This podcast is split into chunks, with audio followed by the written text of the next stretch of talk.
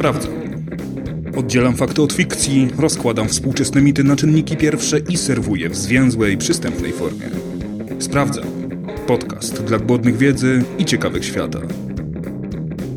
Mam na imię Adam, a dziś opowiem o granacie w szambie oraz strachu, niepewności i wątpliwościach.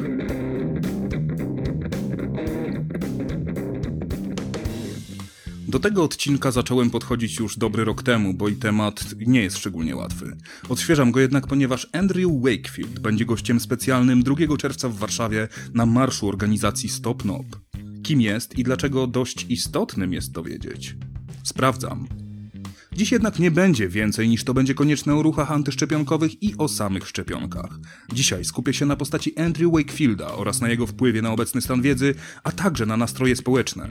Oczywiście, jeśli uznasz, że gdzieś popełniłem błąd, zapraszam do poprawienia mnie w komentarzach.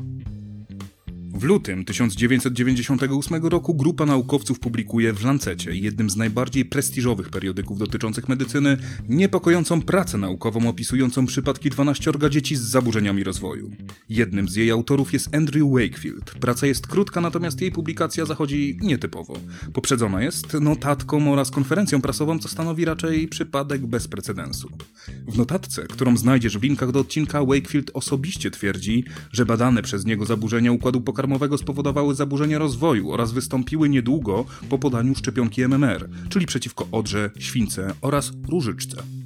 Rzecz jasna, stwierdzenie, iż Wakefield powiedział, że szczepionki powodują autyzm, byłoby dużym uproszczeniem, lecz byłoby też bliższe prawdzie niż teza, jakoby nigdy nie łączył szczepień z autyzmem.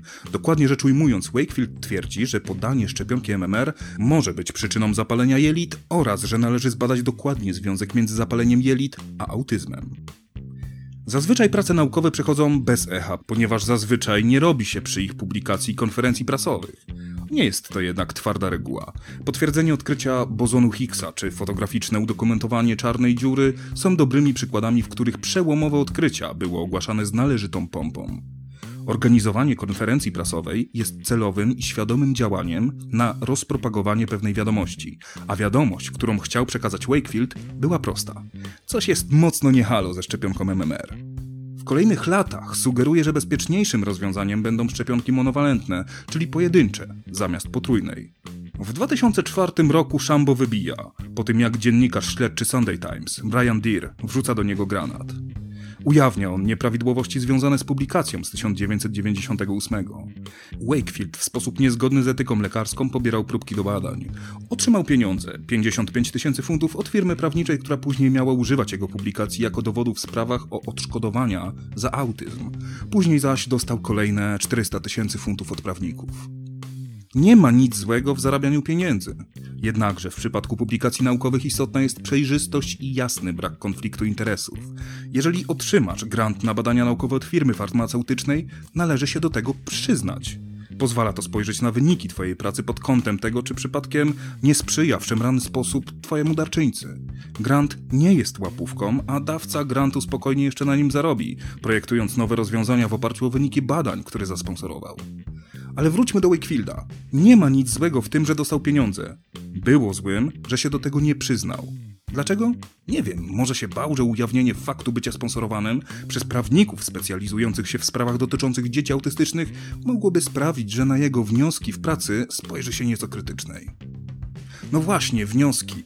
Po ujawnieniu afer związanych z finansowaniem publikacji 10 z 13 współautorów pracy wycofało się z niej, Brian Deere zaś kopał dalej i cierpliwie rozplatał węzeł, który Wakefield starannie zaciskał przez ostatnie lata.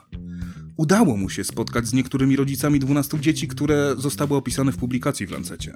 Ich zeznania wskazywały, że stan dzieci był w wielu przypadkach zupełnie inny niż ten, który zapisano w pracy. Manipulowano czasami wystąpienia objawów tak, by wykazać w publikacji zbieżność czasową między szczepieniem a wystąpieniem zaburzeń rozwoju. Nawet do tego stopnia, że dziecko, u którego zaburzenia wystąpiły jeszcze przed podaniem szczepionki, przedstawić jako dziecko, któremu problemy zaczęły się jednak po szczepieniu. Wakefield jednak nie twierdził, że szczepienia jako takie są złe i niebezpieczne. Co więcej, twierdził, że zarówno szczepienie MMR, jak i przechorowanie odry jest niebezpieczne i może prowadzić do zapalenia jelit, a w konsekwencji do zaburzeń rozwoju. Spokój ducha miała zapewnić monowalentna szczepionka przeciw odrze. I tu dochodzimy do kolejnego odkrycia. Wakefield złożył wniosek patentowy na Transport Factor, który według jego własnego wniosku patentowego miał stanowić monowalentną szczepionkę przeciw odrze. Dokument ten, podobnie jak większość rzeczy, o których dziś mówię, znajdziesz w linkach w opisie odcinka. W 2007 roku General Medical Council, coś na kształt Naczelnej Izby Lekarskiej, rozpoczyna śledztwo w sprawie autorów pracy. W maju 2010 roku Wakefield zostaje pozbawiony prawa wykonywania zawodu. Również w 2010 z Lanceta zostaje wycofana problematyczna publikacja. W kontekście tym pojawia się też uniewinniony po odwołaniu John Walker Smith, współautor, który nie wycofał się z nieszczęsnej pracy, kiedy była ku temu okazja. Zwolennicy Wakefielda twierdzą, że Walker Smith miał takie same zarzuty co Wakefield, więc i Wakefield powinien zostać uniewinniony. Szkoda, że jest to zwykłe, bezczelne kłamstwo. W linkach do tego odcinka znajdziesz opracowanie porównujące ich zarzuty, zaś w samym opracowaniu odnośniki do faktycznych zarzutów postawionych obu lekarzom.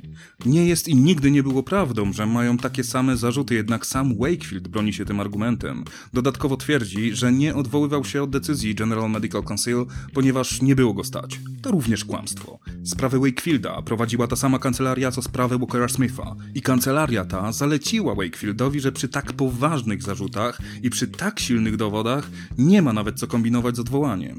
Dodam tylko, że w 2010 roku, gdy zapadł wyrok Rady, Wakefield już od pięciu lat mieszkał w willi w Teksasie. To, że Wakefield postępował nieetycznie, przeprowadzał na dzieciach niepotrzebne i bolesne badania, miał konflikt interesów i że manipulował wynikami badań, nie znaczy jeszcze, że wnioski z pracy były błędne. Tak, chyba wiem, co teraz myślisz. Mimo, że wykazano, że praca była jednym wielkim oszustwem, to alarmujące wnioski poruszyły naukowców i sprowokowały do obserwacji, badań i analiz. Przez ponad 20 lat od publikacji w Lancecie nie udało się jednak żadnemu ośrodkowi badawczemu uzyskać wyników chociaż odrobiny zbliżonych do niesławnej pracy.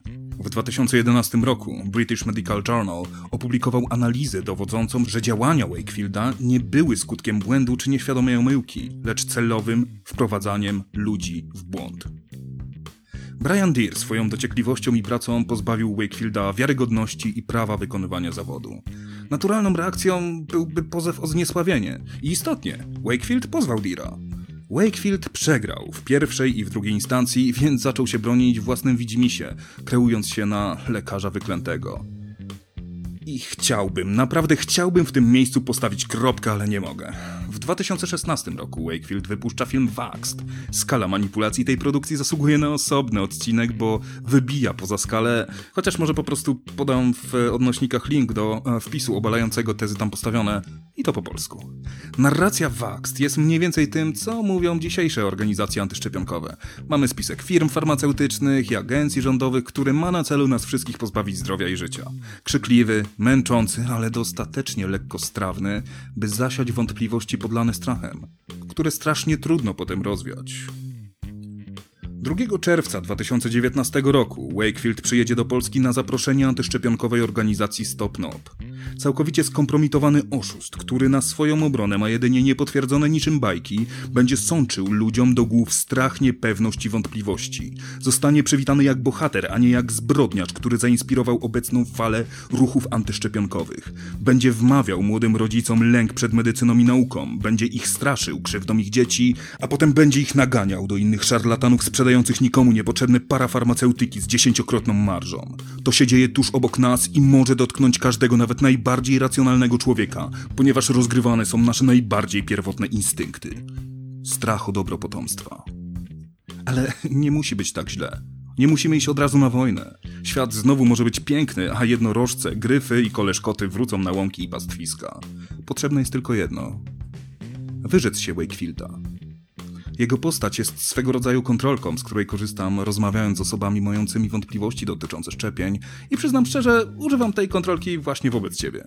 Jeśli przed wysłuchaniem tego odcinka i zapoznaniem się z materiałami postać Wakefielda była ci znana i kojarzyła ci się pozytywnie, nie ma w tym nic złego. Widocznie ktoś cię okłamał. Może nawet nieświadomie, mógł jedynie puścić przekonującą fałszywkę dalej. Jeśli jednak w dalszym ciągu chcesz go bronić, to zapewne odrzucasz informacje i dowody, które tutaj przedstawiam, a na jego obronę będziesz mieć wielokrotnie powtórzone i obalone argumenty podchwycone od pani z grzywką lub staruszka z ptakiem w nazwisku. Jego nie da się wybronić. Celowo dokonał oszustwa i zamiast się gdzieś zaszyć, szerzy dalej dokładnie to, co było fundamentem jego krętaczego planu. Z jednej strony mamy twarde kwity łączące się w logiczną całość, z drugiej strony słowa Wakefielda, niepodparte niczym obiektywnym i weryfikowalnym. Wyrzec się Wakefielda. Wtedy możemy zacząć poważnie rozmawiać o bezpieczeństwie szczepień ochronnych, bo to temat poważny i warty rozmawiania. Zaproszenie Wakefielda na marsz już i tak mocno zastraszonych rodziców to jak zapraszanie lisa do kurnika, zaś powoływanie się na niego automatycznie czyni niewiarygodnym. Nikt przecież nie proponuje, by oskarżeni w aferze Amber Gold zajęli stanowiska w Ministerstwie Finansów, bo przecież znają się na pieniądzach. W dokładnie ten sam sposób Andrew Wakefield zna się na szczepieniach.